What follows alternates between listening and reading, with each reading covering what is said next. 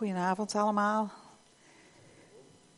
Het is altijd weer bijzonder om uh, zo op Goede Vrijdag hier uh, bij elkaar te zijn en het lijden en het uh, sterven van de Heer Jezus te herdenken. Als je nou in deze tijd leeft, dan vind ik het zo bijzonder om, om, om te bedenken wat de Heer Jezus voor ons gedaan heeft. Wat we net ook zongen, de hemel gaf ons haar grootste schat. En ik, het bijzonder is, vind ik, dat God elk jaar opnieuw dingen uh, aanraakt. In ieder geval in mij, dat ik me verwonder over wie God is en wat Hij gedaan heeft. En het is mijn gebed ook vanavond dat, ja, dat wij allemaal geraakt worden. Vanavond en, en morgen en Pasen met uh, het bijzondere wat de Heer Jezus voor ons gedaan heeft. En ik wil uh, een gedeelte lezen uit Marcus, Marcus 15 vanaf 20b. En ik lees het uit de Bijbel in de gewone taal.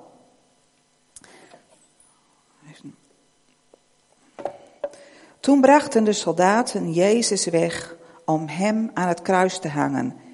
Er kwam net een man de stad in. Het was Simon van Cyrene, de vader van Alexander en Rufus.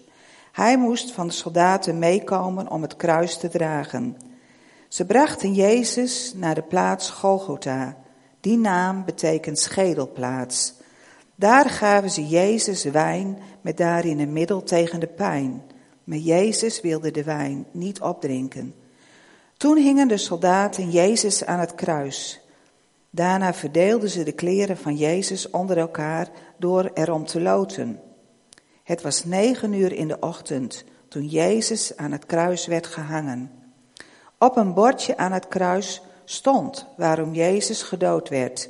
Er stond op, dit is de koning van de Joden. Er werden ook twee andere mannen aan een kruis gehangen, twee misdadigers. Het kruis van Jezus stond tussen de twee andere kruisen in. De mensen die voorbij kwamen, lachten Jezus uit. Ze schudden spottend hun hoofd en riepen, kijk eens, daar hangt de man die de tempel wilde afbreken en binnen drie dagen een nieuwe wilde bouwen. Red jezelf, kom van dat kruis af. Ook de priesters en de wetsleraren zeiden zulke dingen. Ze zeiden tegen elkaar, andere mensen heeft hij gered, maar zichzelf redden, dat kan hij niet. Hij is toch de Messias, de koning van Israël, dan moet hij maar eens van dat kruis afkomen. Als we dat zien, zullen we in Hem geloven. Zo bespotten ze Jezus.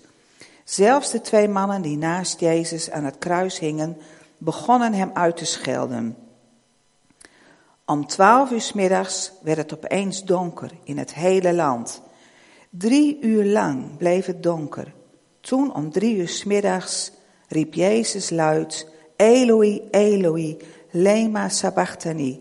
Dat betekent, mijn God, mijn God, waarom hebt u mij alleen gelaten? De mensen die daar stonden hoorden het. Sommigen zeiden, hoor je dat? Hij roept Elia. Snel pakte iemand een spons en deed die in zure wijn. Toen deed hij de spons op een stok en stak hem omhoog. Zo kon Jezus wat drinken. De man zei tegen de anderen, nu zullen we eens zien of Elia echt komt. Of hij Jezus van het kruis af komt halen. Maar Jezus gaf een luide schreeuw. Toen stierf hij. En op hetzelfde moment gebeurde er iets in de tempel. Het gordijn voor de heilige zaal scheurde doormidden, van boven naar beneden. De Romeinse officier die bij het kruis stond, zag hoe Jezus stierf. En hij zei, geen twijfel mogelijk. Hij was de zoon van God. En ik uh, wil vanavond vooral uh, stilstaan bij versen 33 en 34. Om twaalf uur middags werd het opeens donker in het hele land. Drie uur lang bleef het donker. En toen om drie uur middags riep Jezus luid, Eloi, Eloi, lema sabachthani. Dat betekent, mijn God, mijn God, Waarom hebt u mij alleen gelaten? Terwijl Jezus uh, daar aan het kruis hangt, gebeurt er een, uh, een bovennatuurlijk wonder. Het is midden op de dag, het is het twaalf uur en opeens wordt het pikdonker. Het wordt helemaal duister. Het licht verdwijnt. In uh, Lucas 23, vers 44 staat: Rond het middaguur werd het donker in het hele land, doordat de zon verduisterde. De duisternis hield drie uren aan. Een hele bijzondere gebeurtenis. De zon geeft geen licht meer. Er is een zonsverduistering. En er is niet zomaar een zonsverduistering, zoals wij wel eens meemaken, een glimpje van meemaken. Het, wordt, het is drie uren lang, is het zonlicht niet meer te aanschouwen. En is het de zon helemaal weg. En het heeft een, uh, een relatie met de Heer Jezus die daar aan het kruis hangt. De strijd die de Heer Jezus voert, die is ook op aarde zichtbaar, doordat de duisternis het licht overwint. En we lezen in de Bijbel dat God licht is. In God is, in Johannes 1 vers 5 staat, God is licht, enkel licht. In Hem is geen spoor van duisternis. En dat brengt ons eigenlijk terug bij de schepping. Als je in het begin in de Bijbel leest over de, over de schepping, dan lees je dat de aarde woest en leeg was en dat de duisternis ligt op de, op de watervloed. En dan zweeft de geest van God over de aarde. En het eerste wat God deed, was licht maken. Ik wil dat stukje ook lezen uit Genesis 1. In het begin schiep God de hemel en de aarde. De aarde was nog woest en doods. En duisternis lag over de oervloed. Maar Gods geest zweefde over het water. En God zei, er moet licht komen. En er was licht. En God zag dat, dat het licht goed was. En hij scheidde het licht van de duisternis. Het licht noemde hij dag, de duisternis noemde hij nacht. Het werd avond en het werd morgen, de eerste dag. Het is bijzonder. Het allereerste wat God doet op deze aarde is het licht maken. Hij scheidt het licht van de duisternis. En waar God is, daar komt het licht. En ieder die deel heeft aan God, die is ook in het licht. En ook de Heer Jezus, die zegt dat in zijn leven. Uh, Jezus die zegt, ik ben het licht ter wereld. En in ieder die in mij is, hoeft nooit meer in de duisternis te wandelen. Maar hij zal het licht des levens hebben. Een geweldige uh, belofte en ook een geweldig woord wat de Heer Jezus verkondigt. Dat Hij het licht van deze wereld is. Dat Hij gekomen is in deze wereld om alle duisternis te overwinnen en om het licht te brengen. Maar nu, op, deze, op, op, op, deze, op dit moment van de kruisiging en deze strijd die gevoerd wordt, trekt God zich terug. God en zijn licht verdwijnen en de duisternis slaat toe. De wereld wordt beroofd van zijn licht. Toen Jezus geboren werd, dat was, werd bekendgemaakt midden in de nacht. En midden in de nacht, in de duistere nacht, kwam er een stralend licht.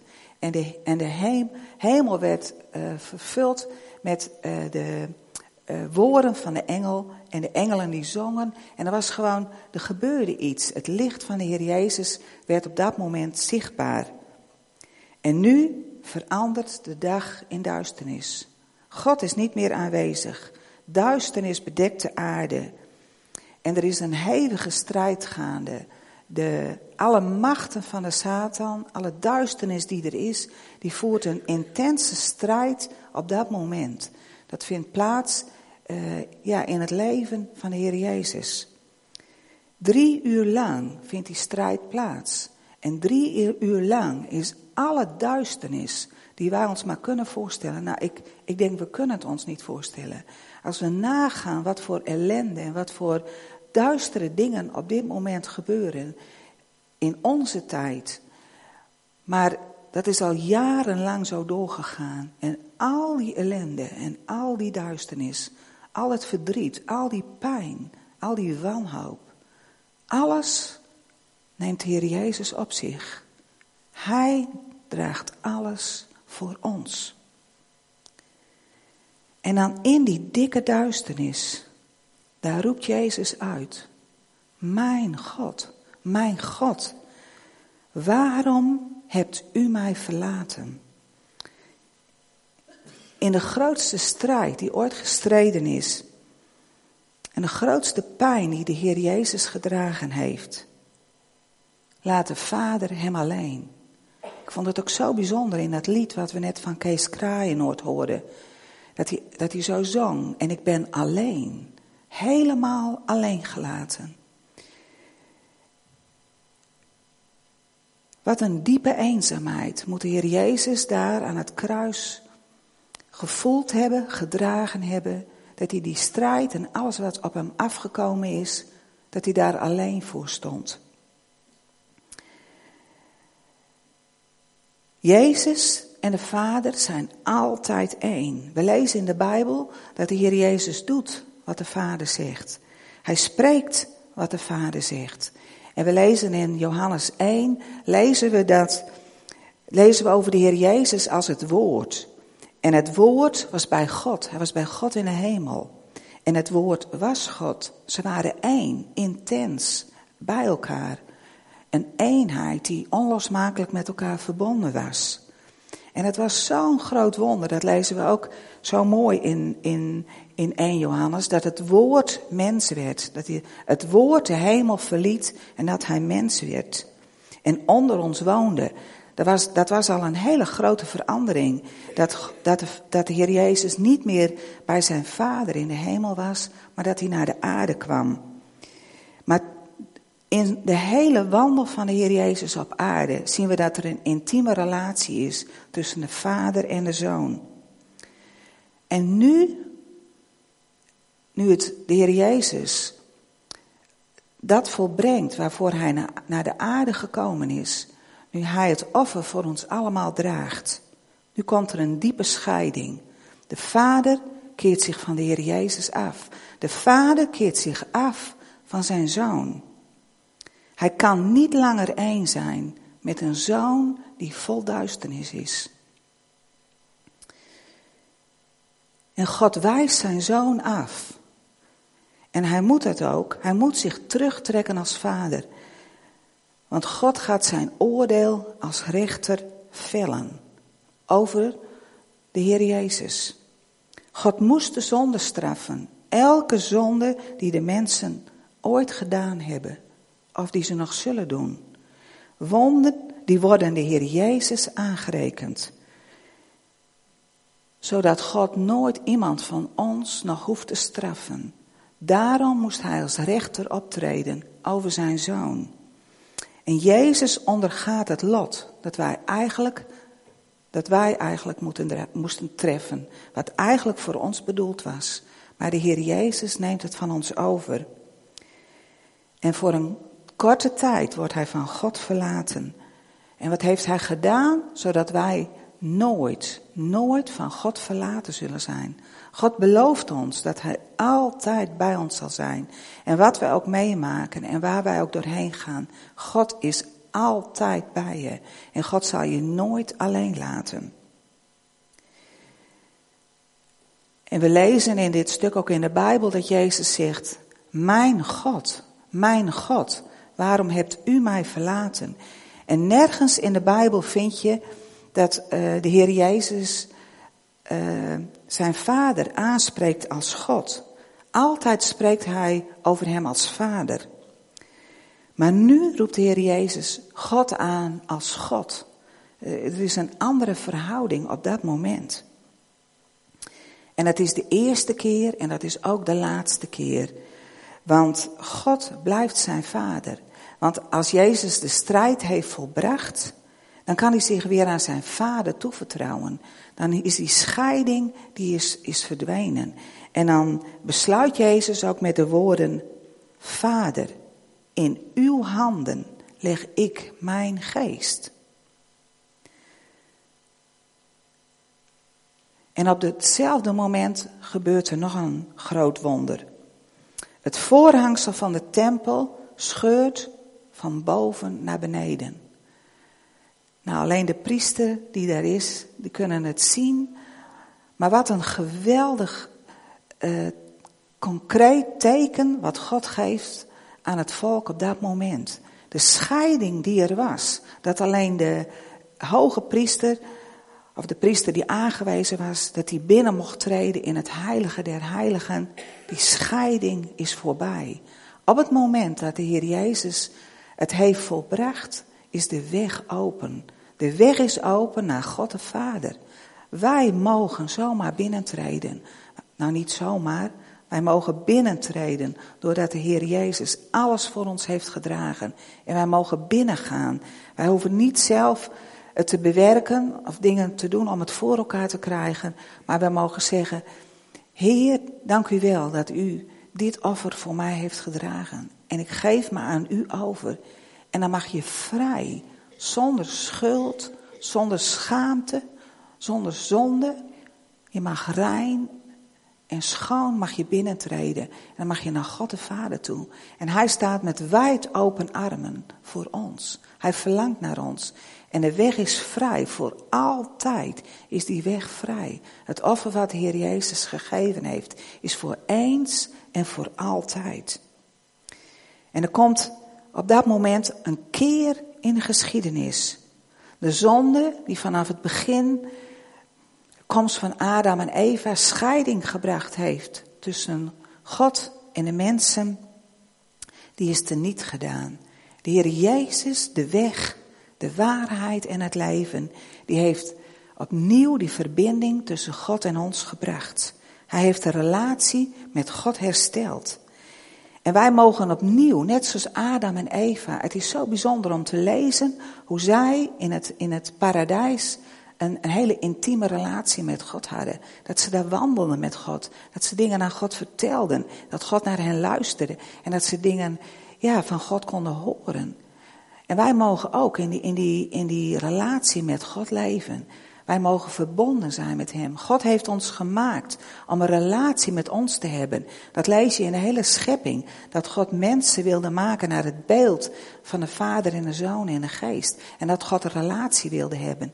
En in het begin is die hele relatie verbroken door de zonde. Maar door de, door de Heer Jezus is de relatie hersteld. En mogen wij weer, ja, vrijelijk naar God toe gaan.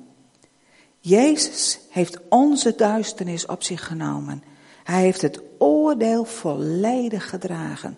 Alles, maar dan ook alles, heeft Hij opgenomen, op zich genomen voor ons. Zodat wij voor altijd kinderen van het licht mogen zijn. Het staat heel mooi in 1 Thessalonicensen.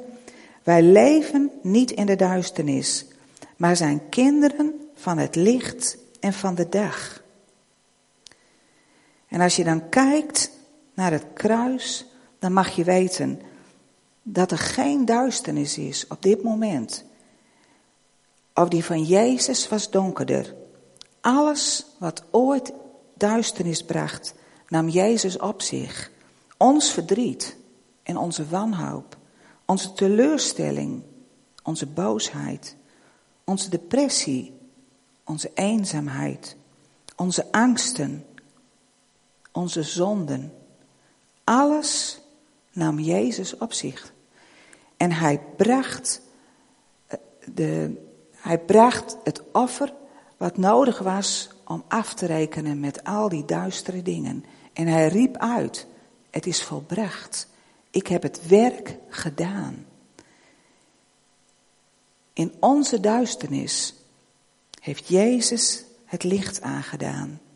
Wij mogen voor altijd in het licht leven. Wij mogen voor altijd verbonden zijn met God de Vader. En wat er ook in ons leven is en wat we ook, ja, wat we ook tegenkomen, hoe groot het misschien ook kan, kan lijken in onze ogen. Als je kijkt naar God en zijn grootheid en als je kijkt naar het offer van de Heer Jezus, dan valt het weg. Want God is groter en machtiger en hij heeft de overwinning behaald. Of de Heer Jezus heeft de overwinning behaald aan het kruis. Hij, de Heer Jezus, het licht van de wereld. Er hoeft geen duisternis meer te zijn. Want het licht overwint altijd. Het is zo mooi als je uh, in, een, in een kamer binnenkomt en het is heel donker. En al doe je maar een heel klein vlammetje aan. Dan zie je al dat het licht gewoon overwint. En als je dan weet dat God in zijn grootheid het licht van de wereld, dat die in, in jou, in ons is, dan mag je weten dat je elke duisternis, elke moeilijkheid aan kan. Dan mag je weten dat je niet in duisternis hoeft te leven. Want waar God komt, daar is licht. Het licht van de wereld overwint. Op het kruis spreekt Jezus de woorden: Het is volbracht. En met Pasen vieren we die totale overwinning. Jezus die de dood overwint. Zullen we samen bidden?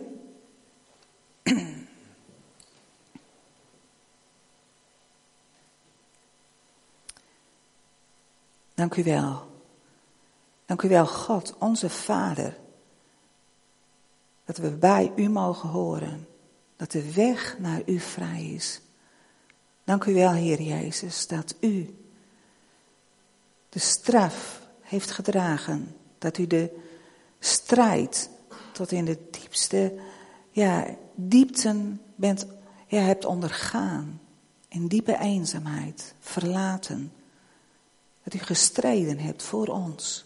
Heer, dat u ervoor koos om uw leven te geven. Heer, het is zo'n wonder. Dank u wel. Heer, dat wij alles aan u mogen geven. Dat wij niets hoeven te dragen. Heer, dat u ons vrij maakt. Vrij om te leven. Vrij om te zijn. Dank u wel dat wij één mogen zijn met u, Vader. Dat de weg open is. Dat we het licht mogen hebben in ons leven. Dat we het mogen ontvangen. En een relatie met u mogen leven. Heer, dank u wel. Voor wie u bent. En hoe u herstel heeft gebracht. In deze wereld, in ons. In ieder die in zijn leven aan u wil geven. Heer, we houden van u. Dank u wel voor wie u bent. Amen.